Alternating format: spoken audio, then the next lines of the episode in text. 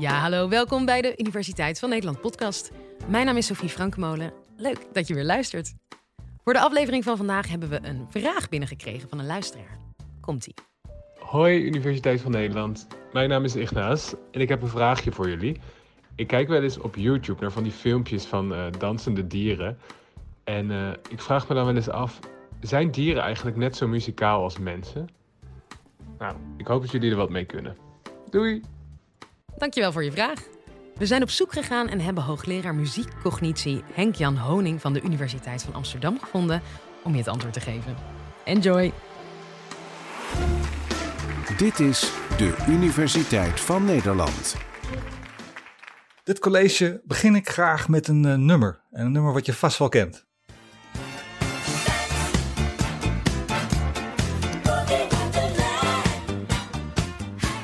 Ja, wat je helaas niet kan zien is dat er een uh, headbangende zeeleeuw in beeld is. Ze heet Ronan, uh, de headbangende zeeleeuw. Ik heb haar ontmoet een aantal jaar geleden in Santa Cruz in Californië. En zij kan precies op de maat van dit nummer haar hoofd heen en weer bewegen. Ze kan het als geen ander.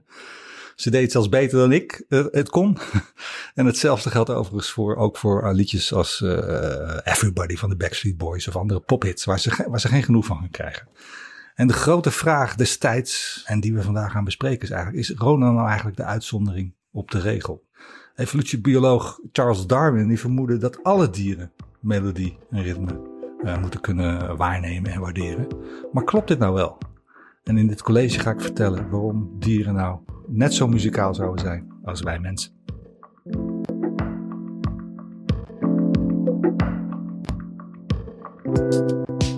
Om te zien of Darwin gelijk had, moeten we eerst kijken wat muzikaliteit is bij mensen. Wat maakt mensen muzikaal? Om duidelijk te maken hoe dat zit, laat ik graag twee korte geluidsfragmenten horen. Het zijn twee huilende baby's. Met de vraag aan jullie: hoor je verschil? Dit is het eerste voorbeeld. En dit het tweede. Nou, je hoort vast het verschil. De eerste baby die huilt zoals je eigenlijk verwacht dat een baby huilt. Druk op die keel, hard aan het begin, druk valt weg en dan zie je, hoor je langzamerhand die toonhoogte naar beneden gaan. En de tweede baby die doet precies het omgekeerde. Die is zacht aan het begin, toonhoogte gaat omhoog en pas aan het einde weer een beetje naar beneden. Nou, die eerste baby, dat is een Duitse baby. En de tweede, dat is een Franse baby. Ik laat het nog een keertje horen. De Duitse baby. En de Franse baby. Deze geluidsvoorbeelden komen uit een studie van zo'n uh, tien jaar geleden. En je vraagt je af, waarom doen die baby's dat? Nou, en het zijn niet zomaar twee grappige voorbeelden. Ze hebben dat systematisch uitgezocht. Franse baby's huilen anders dan Duitse baby's. En de verklaring bestaat uit zeker twee componenten. De eerste is dat een baby eigenlijk al kan horen als ze nog in de buit zit. En dat klinkt ongeveer zo.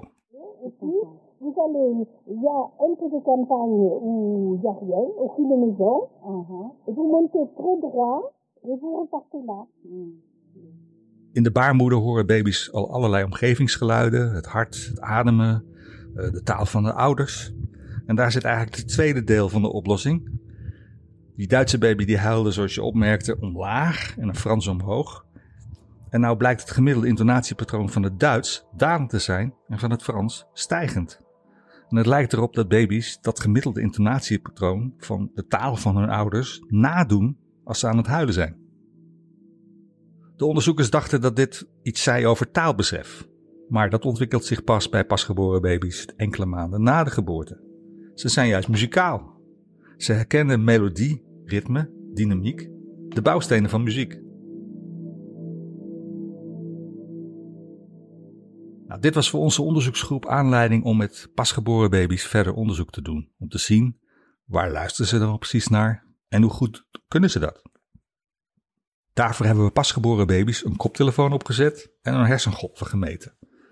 En het doel van dat onderzoek was om te kijken of ze maatgevoel hebben. Een van de bouwstenen van muzikaliteit. En dat kan je aantonen door ze een herhalend drumritme te laten horen. Luister maar eens naar dit voorbeeld.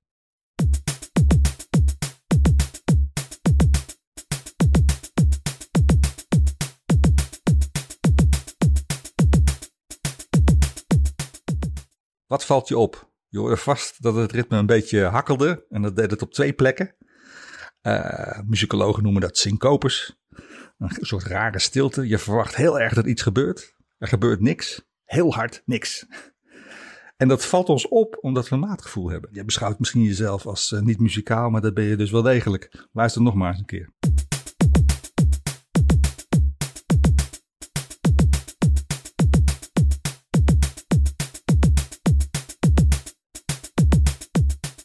Twee rare momenten, toch?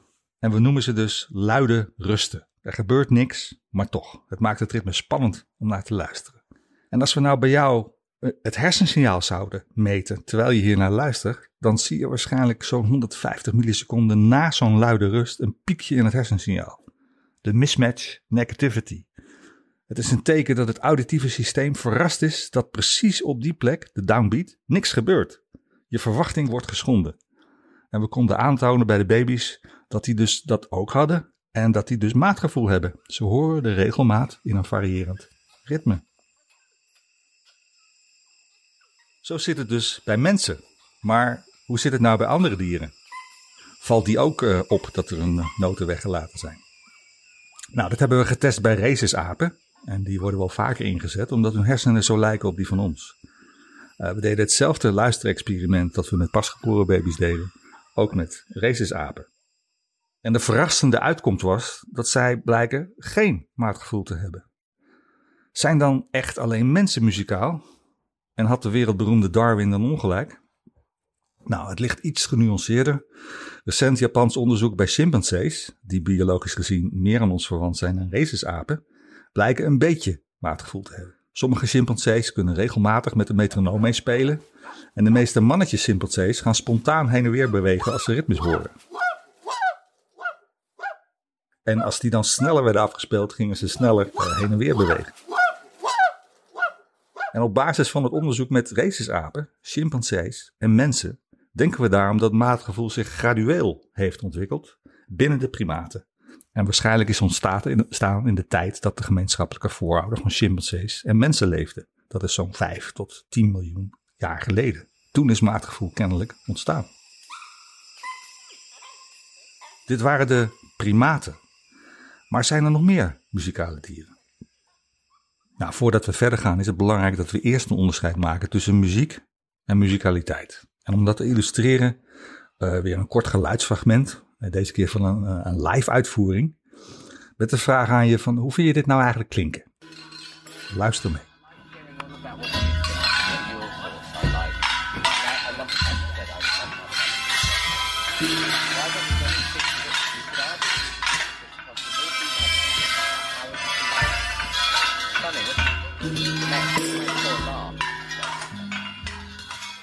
Nou, dat klonk misschien niet helemaal lekker in je oren. Je dacht, wat, wat, hoor, wat, wat hoor ik nou? Maar als ik je nou vertel dat dit orkest niet uit mensen bestaat, maar uit olifanten, dan begint je misschien wat te dagen.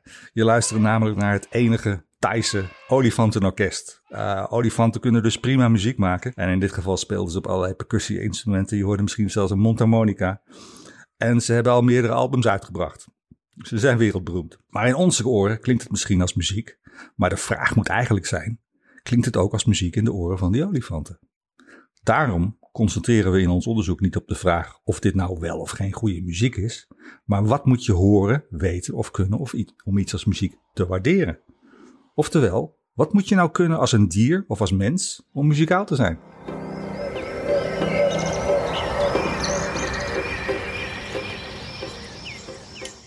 We denken dat muzikaliteit uit minstens twee componenten bestaat. Namelijk relatief gehoor, dat je een melodie kan horen of het nou hoog of laag is. En maatgevoel, het horen van regelmaat. Wat uh, pasgeboren baby's al konden en wat chimpansees dus een beetje kunnen. Laten we beginnen met maatgevoel. Chimpansees hebben dus een beetje. Maar er zijn ook een paar voorbeelden van andere dieren die dit ook hebben. Zoals Ronan aan het begin van deze aflevering. Zij kan namelijk precies op de maat van de muziek meebewegen het dengen. Zelfs wanneer de muziek langzamer of sneller afgespeeld wordt. Ronan gaat dan gewoon sneller of langzamer haar hoofd bewegen. Daarnaast is er Snowball, de kakatoe. Ook hij kan op de muziek van uh, Queen en de Backstreet Boys headbangen. En heeft zelfs een heel repertoire aan dance moves, zoals de pose en de body roll. Deze twee dieren, Snowball en Ronan, hebben dus maatgevoel. Wat dat betreft had Darwin dus een beetje gelijk. Maar de vraag die open blijft staan is: wat delen wij als mens nou met Ronan en Snowball, wat we niet delen met andere primaten? Naast maatgevoel blijkt ook relatief gehoor een fundamentele bouwsteen te zijn van muzikaliteit. En relatief gehoor, dat is als je een melodie hoort, of die nou hoger of lager, ietsje sneller of ietsje langzamer wordt gespeeld. Je herkent hem als zijnde dezelfde melodie. En de meeste dieren hebben echter absoluut gehoor. Zij onthouden en herkennen klanken aan de absolute frequentie, het trillingsgetal van het geluid. En niet zozeer aan het melodische verloop of de intervalstructuur, zoals wij mensen dat doen. Van vogels wordt vaak gezegd dat ze muzikaal zijn, want ze maken toch, zulke mooie geluiden. Maar vogels lijken naar hele andere dingen te luisteren dan dat we mensen doen. Dat kan ik illustreren ook weer met een geluidsvoorbeeld. Eerst een vogel zoals die normaal klinkt.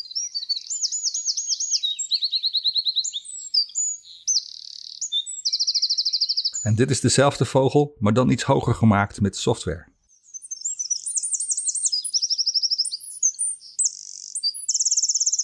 Nou, voor ons klinkt het als precies hetzelfde melodietje. Maar voor een vogel zijn dit twee verschillende vogels. Ze hebben dus iets wat veel meer lijkt op absoluut gehoor. En absoluut gehoor is goed te illustreren aan de hand van de, de smartphone-app die je misschien wel kent, Shazam. Eh, die heeft bij wijze van spreken ook een absoluut gehoor, dus die gedraagt zich ook een beetje zoals een vogel. Schotel Shazam maar eens een nummer voor wat je iets hoger afspeelt. En dan herkent de software het nummer niet meer, terwijl jij nog steeds het nummer herkent. Misschien niet eens door hebt dat het ietsje hoger was afgespeeld dan het origineel. Nou, het, dat proberen we dus te snappen in ons, uh, in ons onderzoek. Hoe komt het nou dat wij mensen relatief gehoor hebben? En het voor ons makkelijk is om een melodietje te herkennen of het nou hoog of laag gezongen wordt. En waarom is het nou zo lastig om dat terug te vinden in de rest van de dierenwereld? We weten inmiddels dat sommige eigenschappen van musicaliteit, dat we die delen met andere dieren. En ik gaf het voorbeeld van maatgevoel. Maar er zijn ook eigenschappen die uniek menselijk lijken. En misschien is relatief gehoor daar wel een voorbeeld van. Maar ik denk dat Darwin uiteindelijk in hoofdlijnen gelijk zal krijgen. En dat de mens en dier vergelijkbare gevoeligheden hebben in het luisteren naar melodie en ritme.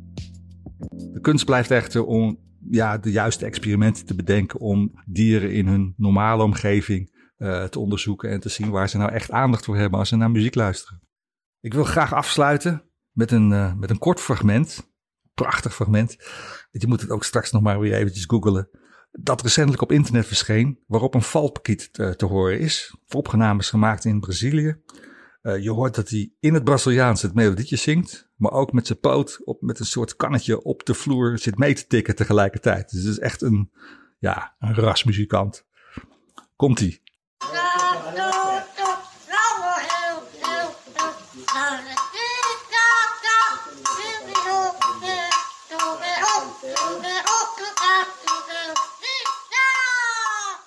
Darwin had dus, voor zover we nu weten, voor een deel gelijk. We delen verschillende muzikale eigenschappen met kakatoes, pakieten en een zeeleeuw, maar verrassend genoeg niet met andere apen. Dus, om een antwoord te geven op de vraag van Ignaas aan het begin van dit college, zijn dieren net zo muzikaal als mensen? Dat alle dieren op dezelfde manier naar muziek luisteren als mensen, dat lijkt niet het geval. Toch zijn er verschillende sporen van muzikaliteit terug te vinden in het dierenrijk. En kunnen we de oorsprong van ons maatgevoel dateren ten tijde van ja, een gezamenlijke voorouder die we delen met chimpansees enkele miljoenen jaren geleden. En tenslotte, waarom vind ik dit nou allemaal zo interessant om te onderzoeken?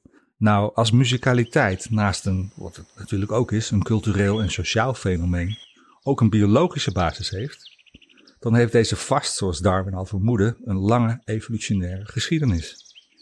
En dat maakt dat muziek en muzikaliteit geen luxe product is, maar juist onlosmakelijk verbonden met zowel mens als dier. We ademen muziek. Ik dank jullie wel voor, uh, voor het luisteren.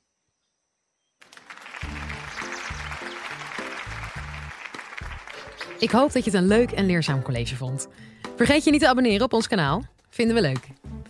Mijn naam is Sophie Frankemolen. Graag tot de volgende.